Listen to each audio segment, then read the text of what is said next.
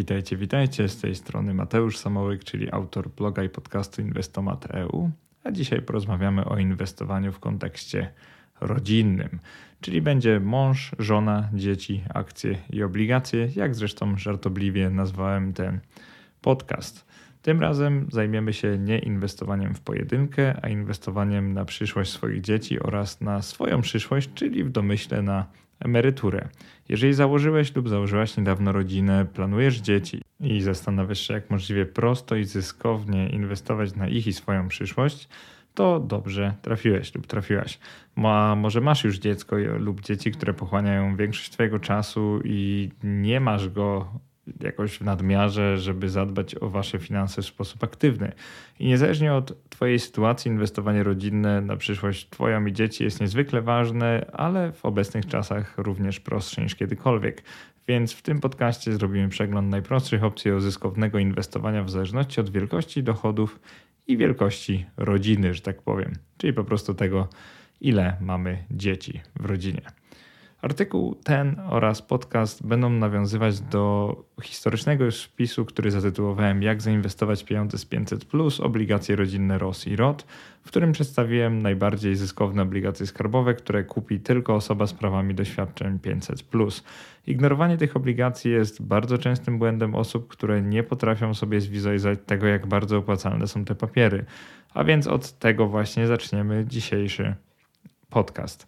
W dalszej części podcastu opiszę też konta, przez które powinny inwestować rodziny, w tym konta IKX oraz proste metody na budowę światowego portfela akcji i obligacji dla siebie i dzieci, bo przecież kto z nas nie chciałby ułatwić swoim pociechom startu w dorosłość, bo przecież o to tu chodzi. Podstawowe kryteria inwestowania w rodzinie, a raczej parametry, którymi będą różnicować się opisywane dziś sytuacje, to posiadanie dzieci, ponieważ rodzina posiadająca dzieci będzie inwestować zupełnie inaczej niż rodzina bezdzietna. Możliwości oszczędnościowe, ponieważ rodzina, która może oszczędzić tylko 500 lub 1000 zł miesięcznie, będzie inwestować zupełnie inaczej niż taka, która może oszczędzić 2 lub 3, a nawet 5-6 tysięcy złotych miesięcznie. I skłonność do ryzyka, ponieważ rodzina, która nie zaakceptuje żadnej tymczasowej straty, nie powinna inwestować w akcje, podczas gdy rodzina, która jest w stanie zainwestować w taki ryzykowny sposób, akceptując nawet obsunięcie rzędu 50% od szczytu, może śmiało inwestować w światowe akcje i obligacje, przeważając te pierwsze.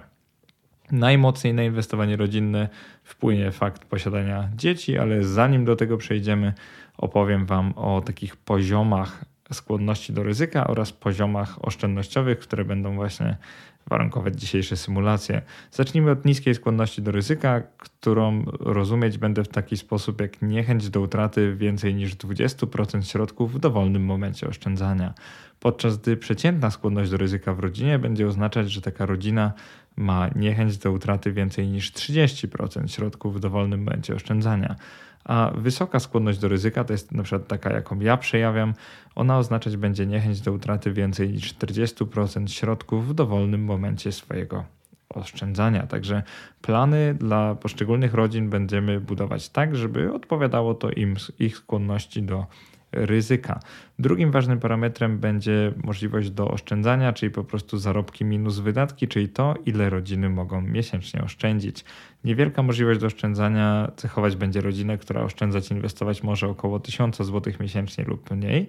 Przeciętna możliwość do oszczędzania będzie cechą rodziny mającej do zainwestowania pomiędzy 1000 a 5000 zł miesięcznie, a wysoka możliwość do oszczędzania oznacza to, że rodzina może zaoszczędzić i zainwestować 5000 zł miesięcznie lub więcej. Ten podcast nagram tak, by przedstawić przynajmniej jedną rodzinę z każdej kategorii zarobkowej, starając się jak najciekawiej opisać proces budowy planu inwestycyjnego dla różnych sytuacji życiowych, czyli kont oraz instrumentów finansowych, które takie rodziny mogą lub nawet powinny kupować w zależności od ich sytuacji.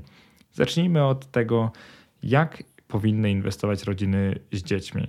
I tutaj odsyłam do takiej bardzo ciekawej matrycy, którą umieściłem we wpisie.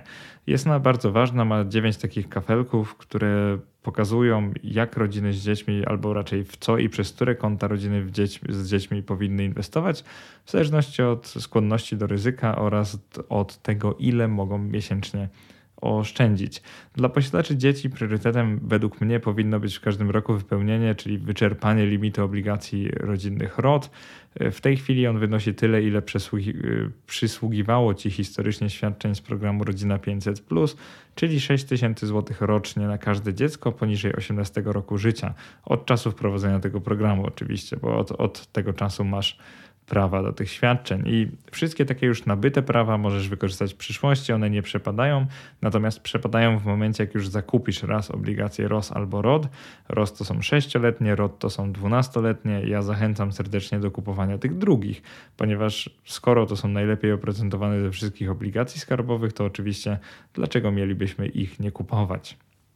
I aby zrozumieć ten diagram, który umieściłem by wpisał raz w klipie na YouTube, przydatna będzie krótka legenda wyjaśniająca skróty na nim zawarte. Jeżeli nie wiesz, co to jest ETF VWRA, czyli Vanguard All World ETF albo All World Stock ETF, to oznacza ETF posiadający 100% światowych akcji. Można go zamienić dowolnym ETF-em globalnym na akcje, czyli na przykład takim, który śledzi indeks MSCI ACWI i wszystkie je znajdziesz na mojej liście ETF-ów. Link do niej jest na stronie głównej bloga oraz w tym artykule. Jeśli nie wiesz, czym jest ETF, to koniecznie nadrób lekturę mojej serii o ETF-ach, ponieważ nie będę tego y, tutaj tłumaczył, a ta seria kompleksowo wyjaśnia to zagadnienie.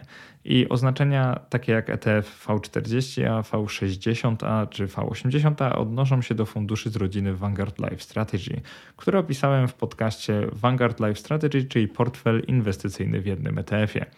Z tych ETF-ów każdy posiada tyle procent akcji, ile wynosi liczba w jego nazwie, czyli w tickerze.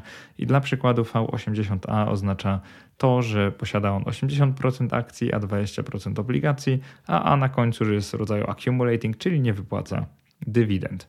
Nawet rodziny o niskiej skłonności do ryzyka nie powinny moim zdaniem poprzestawać na obligacjach, więc nawet w wariancie niewielkiego oszczędzania wskazane będzie prowadzenie przynajmniej jednego konta IKE i skupienie się tam na inwestowaniu w światowy indeks akcji. Podstawą mądrego inwestowania rodzinnego jest równoległe wprowadzanie w życie dwóch planów. Pierwszym z nich jest oszczędzanie na tak zwaną wyprawkę dla dzieci, czyli po prostu na prezent, jaki damy im, gdy te wkroczą w dorosłość, a drugim planem jest zwiększenie swoich emerytur, czyli po prostu tych dorosłych osób, partnerów w związku, którzy chcą otrzymywać wyższe emerytury niż te, które wypłaci im ZUS.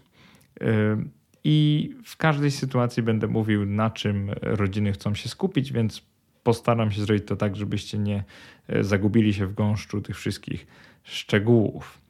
Jeżeli chodzi o konta IKE i to tu też nie jest wcale tak łatwo, bo zasada jest dość prosta, że IKE opłaca się prawie zawsze, zwłaszcza jak możemy wypełnić ten limit, natomiast IGZE czasami się opłacać nie będzie.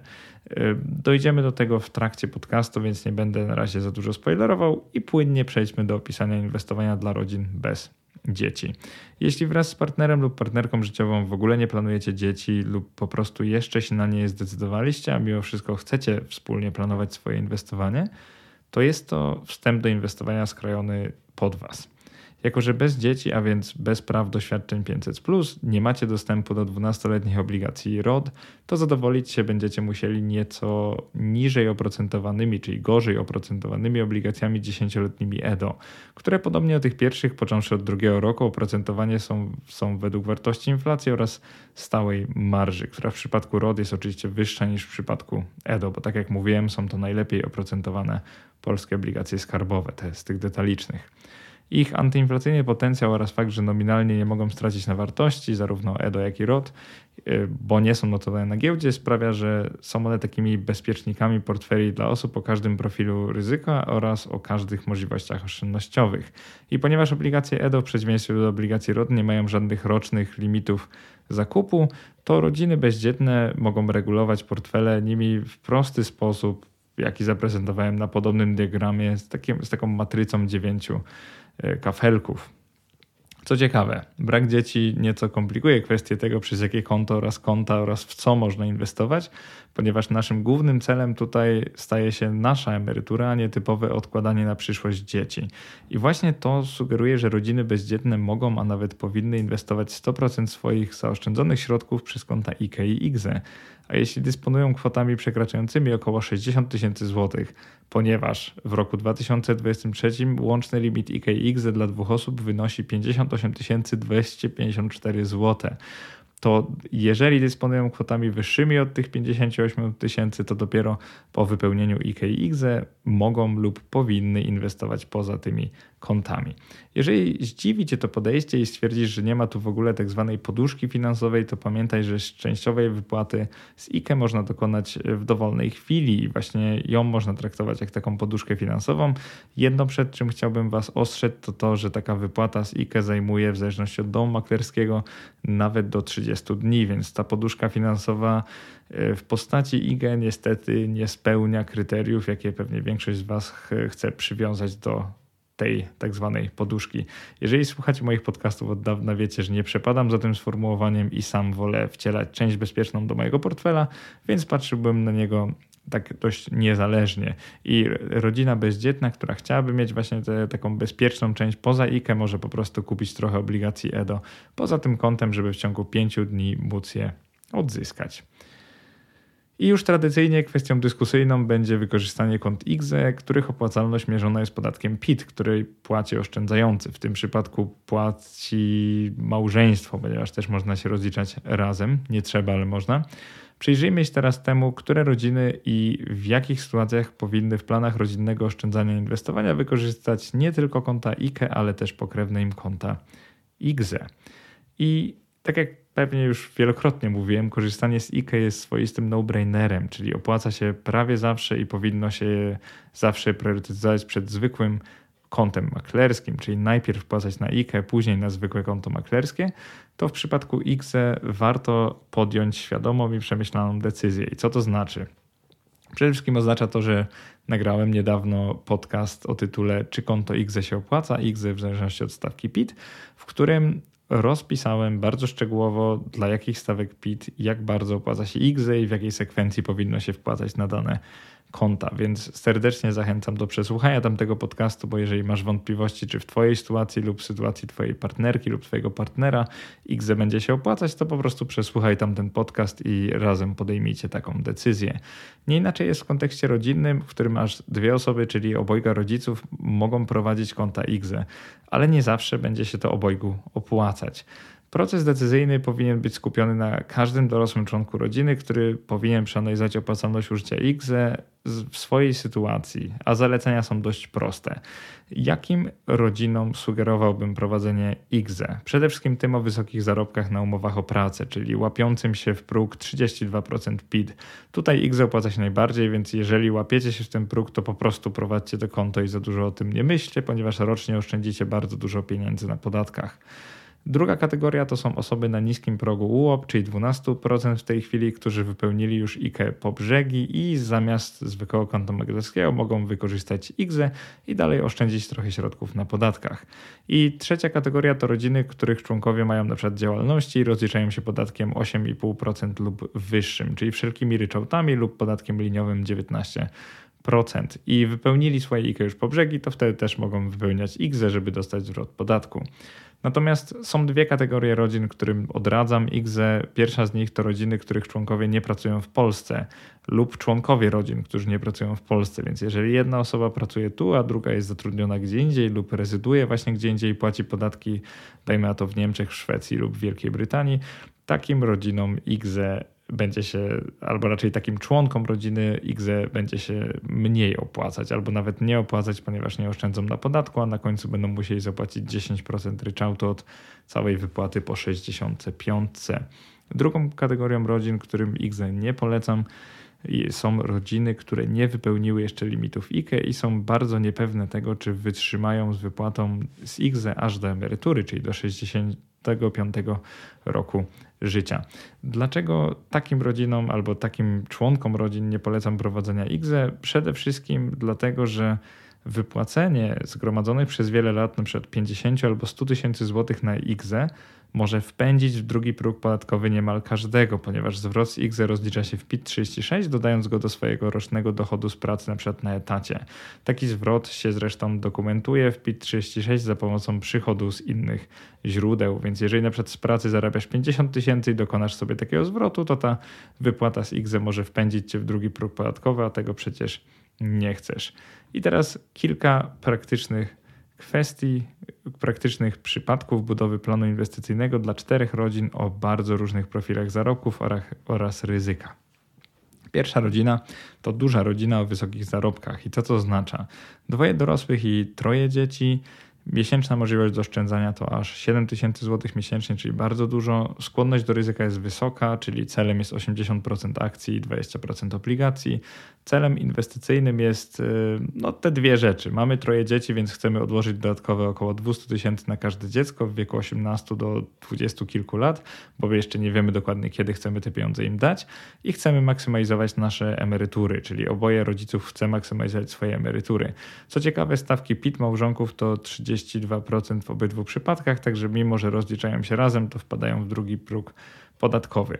I jako, że możliwości zarobkowe i oszczędnościowe rodziny są naprawdę ponadprzeciętne w tym przypadku, to nie będą oni mieli żadnego problemu z wypełnieniem większości omawianych kont, których selekcję teraz wyjaśnię. I przechodzimy do pierwszego e, slajdu z wypełnianiem kont i z tym, jakie konta posiada taka rodzina. W tym przypadku proces doboru zaczynamy od zaplanowania sobie w głowach docelowej proporcji aktywów. I tak jak już mówiłem, taka rodzina chce mieć 80% akcji i 20% obligacji, więc y, i w ciągu roku inwestuje około, no skoro 7 tysięcy złotych miesięcznie, to rocznie 84 tysiące złotych, więc dość sporo. I tak jak już mówiłem, limity IK i IGZY wynoszą niespełna 50, a limit wpłat, czyli zakupów obligacji ROT dla nich wynosi no, troje dzieci razy 500 zł razy 12 miesięcy, czyli 18 tysięcy złotych. Jeżeli jeszcze nie pogubiliście się w tych liczbach, to jedyne co chcę powiedzieć to to, że tak farciarsko tu się składa, że akurat ten limit ROT odpowiada mniej więcej 20% portfela, więc można zacząć od tego, że wypełni się po brzegi limit ROT, a później przejdzie do kupowania ETF-ów na akcje, czyli VWRA na przykład przez konta IKE oraz konta IGZE. Plan jest dość prosty do rozpisania, ponieważ fakt posiadania trójki dzieci ustala limit wpłat na obligacje ROT akurat w takiej wysokości, by mniej więcej zbudować portfel 80-20. Przynajmniej jeżeli chodzi o wpłaty i pierwszy rok inwestowania. Ta rodzina jest jednak na tyle świadoma rynku akcji, że spodziewa się i toleruje fakt, że cały portfel może obsunąć się nawet o 40% od szczytu i członkowie rodziny nie spanikują wtedy, trzymając kurs aż do osiągnięcia dojrzałości dzieci lub do osiągnięcia emerytury przez nich samych. Jak w takim portfelu robić rebalancing, w jakiej sekwencji dopłacać do niego środki, a może są nawet jakieś alternatywy dla tego planu? Zastanówmy się teraz nad tym wspólnie, przemyśl, powiedziałbym, dokonując przemyśleń strategii inwestycyjnej dla takich właśnie bogatych i licznych rodzin. Pierwsza rzecz.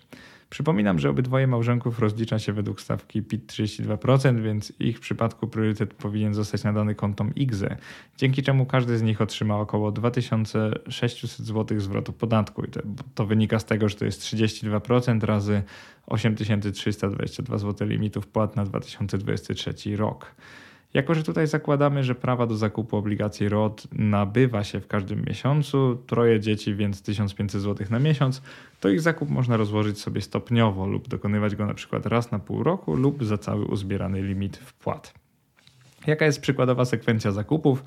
W takim przypadku można w styczniu, y, lutym i marcu wypełniać IGZE, w kwietniu kupować ROT za cały ten uzbierany nabyty limit, w maju do lipca wypełniać IKE, w sierpniu znowu kupować obligacje ROT, wrze od września do listopada wypełniać IKE, a w grudniu kupić ROT, tak ostatecznie. Czyli można tak przeplatać i nie ma tu z tym przeplataniem żadnego problemu, ponieważ jeżeli wpłaca się 7 tysięcy złotych miesięcznie, no to o przepłacaniu prowizji maklerskiej prawie nie ma mowy, więc wszystko jest ok i ten plan powinno się zrealizować dość łatwo i optymalnie, właśnie nie przepłacając prowizji. Nie powinno być to jakieś bardzo trudne.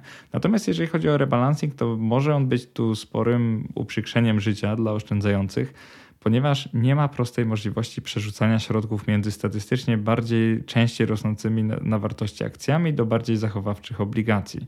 I już wyjaśniam o co chodzi.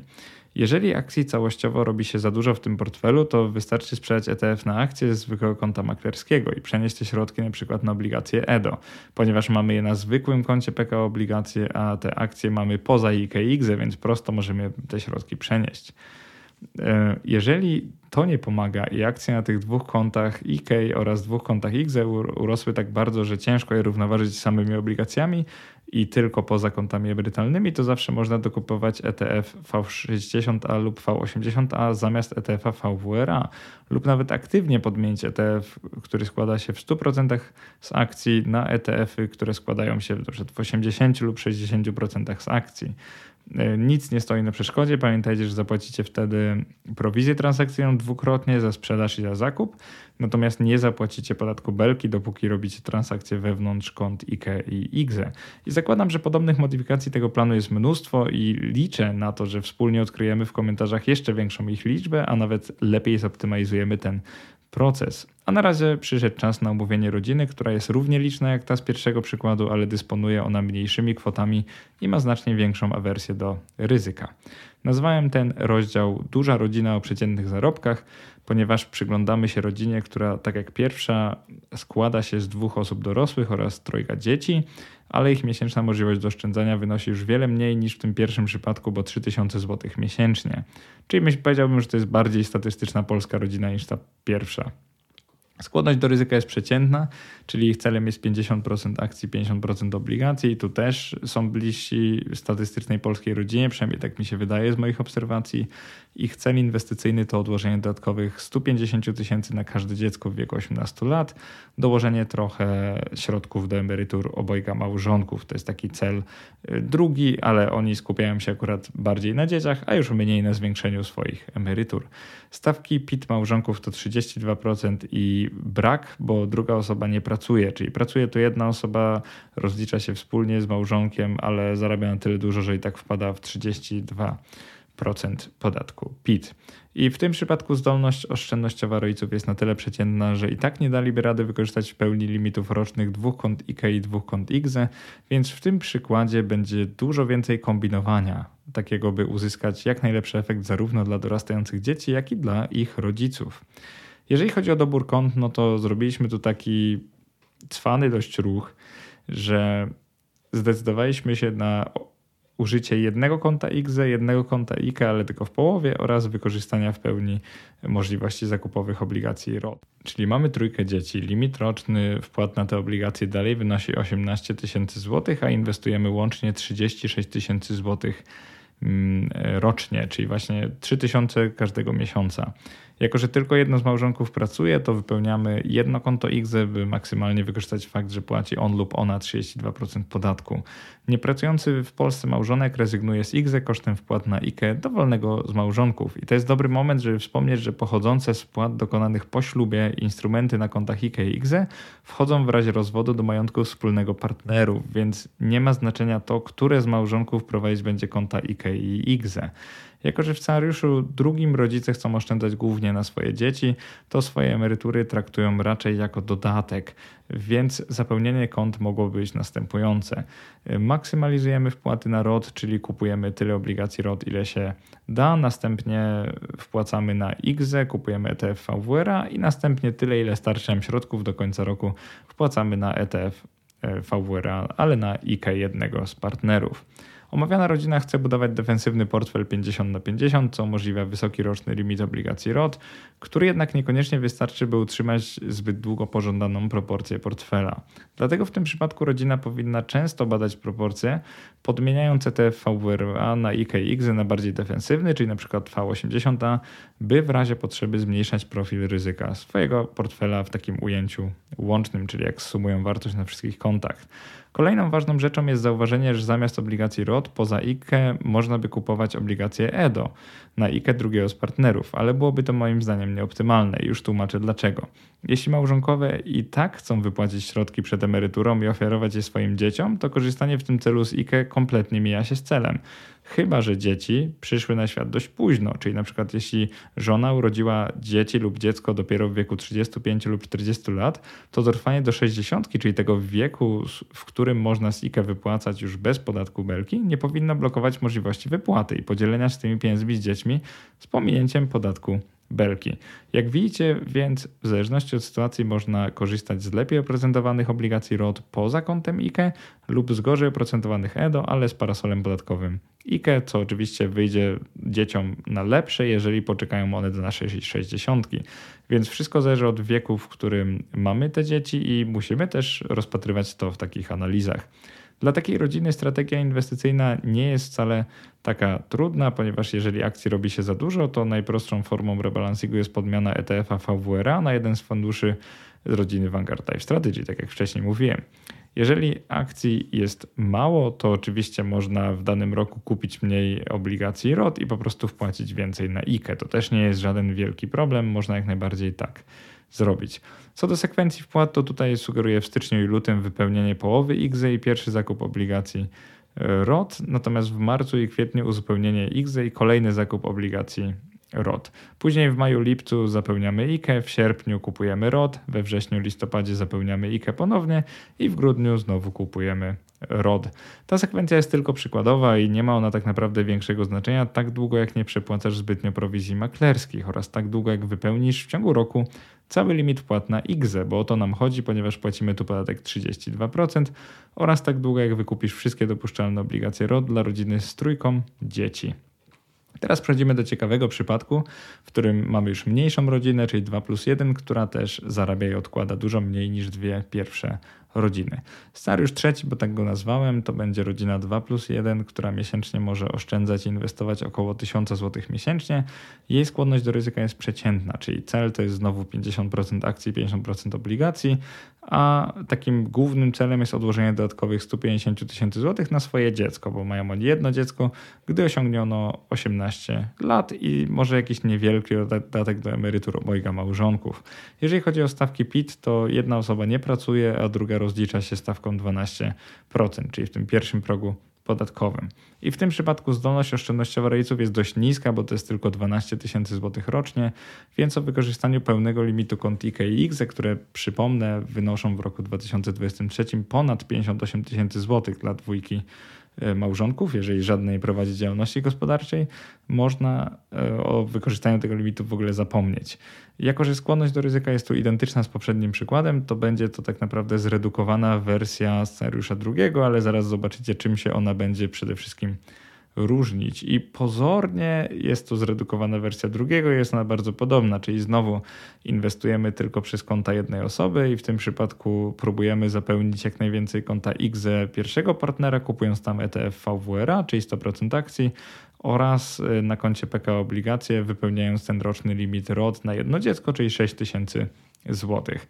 I przypomnę, że jeżeli przynajmniej jedno z rodziców w chwili narodzin dziecka zbliżało się do 40, to można przemyśleć też wymianę ROT na PK obligacje oraz kupowanie tam EDO, ponieważ to wyjdzie lepiej naszemu dziecku, bo na koniec nie zapłacimy podatku belki. Dlaczego w tym scenariuszu nie decyduje się na otwarcie żadnego IKE? Przede wszystkim dlatego, że zakładam, że obydwoje rodziców są w wieku około 30 lat, a wspomniane wcześniej 150 tysięcy złotych chcieliby dać swojemu dziecku, gdy skoń to skończy około 20 lat. Jeśli rodzice są starsi, to zamiast PKO obligacje zwrot powinni założyć IKE obligacje, też PKO, na którym kupowaliby obligacje EDO, tak jak już wcześniej mówiłem.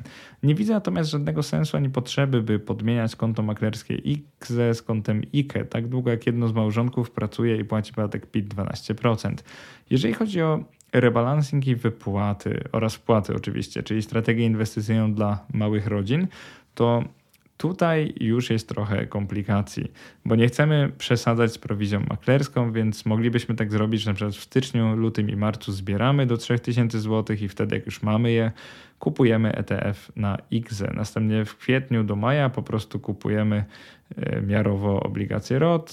E, od czerwca do sierpnia zbieramy do 3000 zł i znowu kupujemy ETF na XE i od września do grudnia po prostu kupujemy obligacje ROT, tak żeby wyczerpać roczny limit.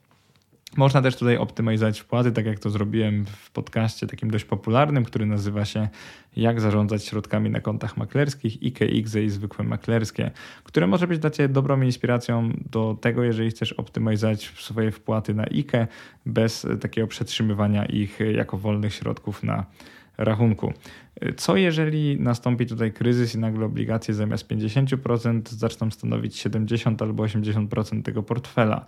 Polemizowałbym, że nie ma sensu ich sprzedawać, bo zamiast tego na przykład w danym roku można wszystkie wpłaty kierować na X, by zwiększyć, udział, by zwiększyć tak stopniowo udział w akcji w portfelu. To jest oczywiście mój pomysł. Może być tak, że będzie bardzo ciężko tak rebalansować i będziecie musieli wpaść na coś innego. Na sam koniec została nam analiza sytuacji rodziny bezdzietnej, czyli 2 plus 0, o niezłych zarobkach, która odwróci stół w tym całym procesie planowania inwestycji, ponieważ e, niedostępne tu będą obligacje ROD, więc będziemy musieli wymyśleć coś innego. I ten czwarty przykład, który omówimy, właśnie tak jak mówiłem, zasadniczo różni się od pierwszych trzech, ponieważ mamy tu dwie osoby bez dzieci, które nieźle zarabiają i mogą zainwestować około 4000 zł miesięcznie. Ich skłonność do ryzyka jest y, bardzo niska, ponieważ celem jest 20% akcji i 80% obligacji, czyli w zasadzie nie akceptują one żadnych obsunięć, nie chcą ryzyka inwestycyjnego. Ich cel inwestycyjny to znaczne zwiększenie swoich emerytur z ZUS, ponieważ nie mają dzieci, więc nie chcą im nic wypłacić, bo nie ma komu. Oszczędność podatkowa na X jest ich drugim celem, ponieważ jedno z małżonków ma albo raczej płaci stawkę podatku 32%, a drugie płaci 19% na jednoosobowej działalności gospodarczej. I czwarty scenariusz jest naprawdę szczególny, ponieważ ze względu na minimalną tolerancję na ryzyko obojga małżonków, sensowne będzie tu wprowadzenie kont IKE obligacje, przez które ci kupować będą 10-letnie obligacje EDO. Na pozostałych kontach maklerskich prowadzonych w formie IGZE wybiorą oni ETF V60A, którego 40% to globalne obligacje, by wraz z obligacjami EDU na kontach IKE dać proporcję portfela około 20, 20 do 80. I bystry obserwator szybko zauważy tu, że wpłaty rzędu 4000 zł miesięcznie również nie wystarczają na zapełnienie dwóch kont IKE i dwóch kont IGZE. Dlatego para zdecyduje się na priorytetyzowanie kont IGZE i celowe niewypełnianie do końca kont IKE obligacji. I zaraz tłumaczę dlaczego i jak to będzie robione. Taki przypadek dałem tu celowo, bo w dotychczasowych scenariuszach bardzo brakowało osób o niskim profilu ryzyka oraz rodzin bezdzietnych, a przecież wśród słuchaczy takich rodzin na pewno jest mnóstwo oraz ludzi o niskim profilu ryzyka, więc będziecie tu mieli coś dla siebie. Składając te parametry w całość, naprawdę komplikujemy sobie życie, jeżeli chodzi o optymalizację i przedmiot analizy, bo celem takiej dwójki ludzi jest już wyłączenie oszczędzania na dzieci i oszczędzanie, inwestowanie wyłącznie na swoje emerytury, więc sensowne tu są zupełnie inne konta niż w poprzednich przypadkach. I teraz jak wygląda struktura kont dla takich osób? Tak jak mówiłem, dwa konta IKE, których nie wypełniamy do końca i obydwa to są IKE obligacje w PKO BP oraz dwa konta IGZE to są IGZE maklerskie, na których kupujemy ETF V60A, żeby łącznie akcji nie mieć za dużo. I ten e, pomysł może narodzić w Twojej głowie następujące pytania. Pierwszym z nich może być, dlaczego IKE obligacje, a nie IKE maklerskie? E, przecież rodzina chce mieć aż 80% obligacji i tylko 20% akcji, więc to jest, powinno być akurat zrozumiałe. Dlaczego ETF V60A, a nie V80A, a nie VWRA? I to jest taka sama odpowiedź, ponieważ chcemy mieć jak najmniej akcji w tym portfelu, więc e, wybieramy takie bardziej defensywne instrumenty. Dlaczego nie ma w tym planie żadnych zwykłych kont maklerskich? To już jest bardzo dobre pytanie, ale odpowiedź jest niezwykle prosta. Jeśli pojawią się tutaj dzieci, to można zacząć kupować obligacje ROT, czyli poza kontami IKE obligacje, a póki ich nie ma, to EDO na koncie IKE obligacje są dużo lepszym wyborem dla dwojga ultradefensywnych inwestorów niż cokolwiek innego. I teraz, czy defensywna para bez dzieci może mieć problem z sekwencją wpłat, wypłat lub rebalancingiem na tych kontach? Niestety tak. Więc warto uzbroić się w plan, w plan, taki dobry plan na dopłatę i rebalancing, zanim zacznie się inwestować. I jaka strategia inwestycyjna powinna cechować rodziny 2 plus 0? I tu jest mniej więcej tak, że dopłaty są już dość wysokie, bo wynoszą 4000 zł, więc dość prosto można wpłacać w dowolnej sekwencji. Na przykład w styczniu, lutym możemy zebrać 8300 zł, wpłacić na XE maklerskie i kupić tam ETF V60A. W marcu do czerwca możemy zapełnić około 2 trzecich IKE papierami EDO. Następnie od sierpnia do września możemy znowu zebrać 8300 zł, wpłacić na XE maklerskie drugiego z małżonków i znowu kupić tam V60A. Natomiast w październiku do grudnia możemy zapełnić około 2 trzecie drugiego IKE obligacje, czyli drugiego małżonka papierami EDO. Sekwencję tę można dowolnie modyfikować, a wysokie miesięczne wpłaty pozostawiają tu sporą dozę dowolności, więc jest to dość łatwe do zaplanowania i ogólnie zasada jest bardzo prosta, ponieważ im wyższe miesięczne wpłaty, tym zwykle łatwiej jest zaplanować takie inwestowanie. Tym samym kończymy główną część podcastu, ale zostaje tu nam jeszcze kilka przemyśleń w tematach, których nie pokryliśmy. Zacznijmy od y, problemów inwestowania rodzinnego, Czyli taki według mnie podstawowy problem i nie powiedziałbym jedyny, ale największy to jest to, że obligacje rodzinne ROT, te 12-letnie, one kończą się, czyli są wykupywane dopiero po 12 latach inwestowania. I problem ten najprościej zobrazować na praktycznym przykładzie emisji kupowanych w różnych latach oszczędzania. To wtedy lepiej to zrozumiecie. Jeżeli dla przykładu kupisz obligacje ROD zaraz po narodzinach Twojego dziecka, to spokojnie dotrwają one do swojej dojrzałości, czyli mniej więcej do wieku, gdy dziecko skończy 12 lat. Ale gdy emitent, czyli państwo polskie, dokona ich wykupu, to bezproblemowo możesz kupić dowolne inne obligacje, np. EDO. Pamiętaj, że po wykupie ROD przez emitenta bezpowrotnie tracisz prawo do zainwestowania tych samych 500 zł, które otrzymałeś lub otrzymałeś w ramach programu 500, w podobne obligacje, więc nie ma mowy o reinwestycji w kolejne obligacje ROD, ponieważ limit przepada, jak tylko raz kupisz obligacje ROS lub ROD. Dlatego właśnie niektóre rodziny mogą przemyśleć wykorzystanie IKE obligacje i obligacji EDO, jeśli w dotychczasowym planie w ogóle nie używali IKE, czyli jak rodzina z trzeciego scenariusza. Kolejnym problemem, chyba większym nawet, jest scenariusz, w którym 12-letnie obligacje ROT kupujemy, gdy dziecko ma na przykład 10 lub więcej lat, a my chcemy ofiarować mu prezent, czyli wyprawkę w dorosłość w wieku 18 lub 19 lat.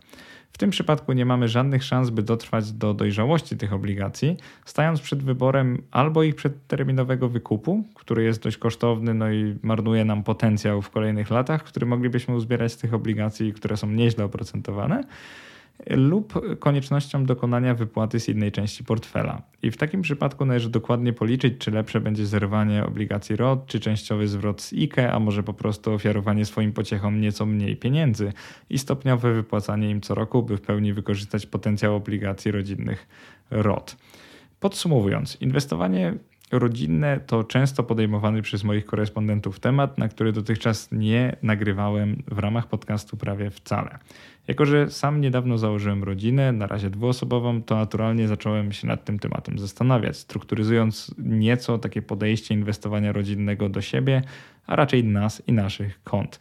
I efektem moich rozważań jest właśnie ten podcast, który właśnie przesłuchałeś lub przesłuchałaś, z którym y, albo w którym zaprezentowałem sposób użycia kont i instrumentów finansowych dla czterech rodzin z ambicjami na uzbieranie darowizny dla swoich dzieci lub dołożenie sobie do przyszłych emerytur.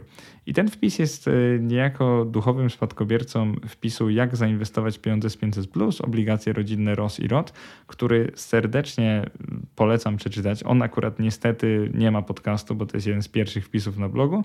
Jeżeli chcecie zrozumieć dokładnie, jak działają obligacje rodzinne ROT, które są tak naprawdę głównymi bohaterami tego wpisu. Drugi bliźniaczy, taki bardzo pokrewny wpis, ten akurat doczekał się podcastu, nazywa się Jak zarządzać środkami na kontach maklerskich, IKX i zwykłe maklerskie. Ten podcast przyjął się niezwykle dobrze i w nim opisałem z kolei jak w ciągu roku dokonywać wpłat, na jakie konta, żeby zoptymalizować podatki, prowizje oraz wszelkie inne takie uprzykrzające żywot inwestora rzeczy, datki, które trzeba dać maklerom albo ustawodawcy lub po prostu urzędowi skarbowemu. I nawet jeżeli nie masz zwyczaju optymalizowania wszystkiego i nie zależy ci aż tak na oszczędzaniu każdej możliwej kwoty na kosztach, to i tak moim zdaniem warto zapoznać się z tym materiałem oraz tymi materiałami, które tutaj wspomniałem. Teraz tak, mam nadzieję, że się podobało i mam nadzieję, że tematów o inwestowaniu rodzinnym nie zabraknie na moim blogu i chcielibyście ich więcej. Jeżeli chodzi o moje plany w ramach inwestowania rodzinnego, to na pewno też mam ambicje, by napisać wpis taki bardziej o zarządzaniu finansami w rodzinie, czyli taki trochę szerszy, może bardziej z kategorii oszczędzania niż, niż inwestowanie, y, którego jakby podzbiorem byłby ten podcast, który właśnie przesłuchałeś lub przesłuchałaś, czyli taki już o zarządzaniu inwestycjami dla rodziny, kontami IK i IGZE oraz tymi obligacjami ROT, które później chcemy ofiarować swoim dzieciom. Mam nadzieję, że te tematy z Tobą rezonują i że uważasz, że to będzie ciekawe, jeśli je pokryję, ponieważ tak jak powiedziałem, w planach mam jeszcze kilka takich typowo rodzinnych e, wpisów i podcastów i przykładowo, jeżeli chcecie znać moje plany, no to też mam takie o dziedziczeniu akcji, obligacji ETF-ów, e, takie o darowiznach w rodzinach, też aspekty prawne tego dziedziczenia, bo powiem Wam szczerze, że sam się tym bardzo ostatnio interesuję i na pewno w przyszłości wydam taki wpis i podcast. I też dostaję mnóstwo pytań o to. Inna sprawa to jest takie bezpieczeństwo inwestowania rodzinnego i o to też pytam mnóstwo osób, więc ten temat także wypadałoby w końcu pokryć. Jeżeli ten podcast Wam się podoba, to przypominam, że możecie ocenić go na Apple Podcast, czyli na iTunes, jeżeli macie tam konto, oraz na Spotify. Na Spotify po prostu wejdźcie w podcasty i w kategorii finanse zwykle gdzieś tam mój podcast się pokazuje, więc nie musicie go nawet specjalnie szukać. A jeżeli słuchacie tego na Spotify, to oczywiście po prostu zeskrolujcie do góry i kliknijcie tam odpowiednią ocenę. Bardzo serdecznie za to dziękuję. No i pamiętajcie, że ten podcast mogliście też obejrzeć na YouTube i możecie zasubskrybować mój kanał. Link jest zwykle w opisie podcastu albo we wpisie blogu, więc łatwo go jakoś odnajdziecie. Bardzo dziękuję za przesłuchanie do końca i do następnego podcastu. Trzymajcie się, na razie, cześć.